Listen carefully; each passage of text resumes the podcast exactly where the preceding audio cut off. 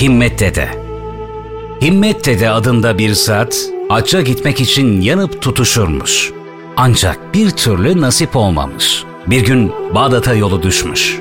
Haç kervanına yetişeceğim diye ümitle oraya varmış.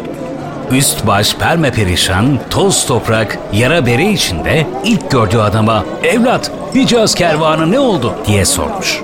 ''Baba sen geç kaldın, kervan gideli üç gün oldu.'' ''Ya nasip'' demiş. Demek ki nasip olmayacakmış. Hayırlısı olsun. Ama memlekete dönmeden şöyle bir yıkanıp temizlenmeliyim. Şehir hamamına gideyim demiş. Hamamın kapısına gelmiş. İri yarı bir adam. Baba yasak. İçeride sultanın adamları var. Yaşlı adam, evladım etme eyleme. Ben yaşlı bir adamım. Bir köşede yıkanırım deyince dayanamayıp geç demiş. O sıra uzakta iki kişi ağacın altında hadiseyi seyrediyor. Biri devrin sultanı Harun Reşit, diğeri veziri. Tedbili kıyafetle geziyorlar. Devrin sultanı ile veziri Himmet dedenin hamamdan içeri girdiğini görünce Harun Reşit vezirine dönmüş. İçeride bizim adamlar yok mu? Var hünkârım.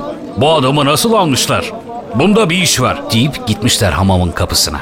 Yalvar yakar olmuşlar bizi de alın içeri diye. Kapıdaki görevli olmaz. Sultanın adamları var içeride. Sultan o ihtiyarı aldın bizi de içeri alacaksın demiş. Görevli aman demiş.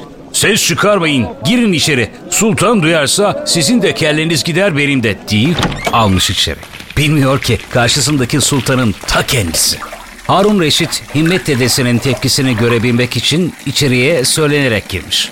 Yahu kardeşim bu sultan ne zalim adam.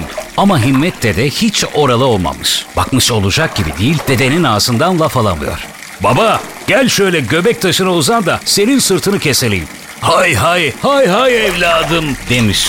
Himmet dede uzanmış göbek taşına, Harun Reşit almış eline keseyi, Himmet dedenin sırtını keselerken kulağına eğilmiş. Yahu baba şu dünyada sultan olmak varmış be.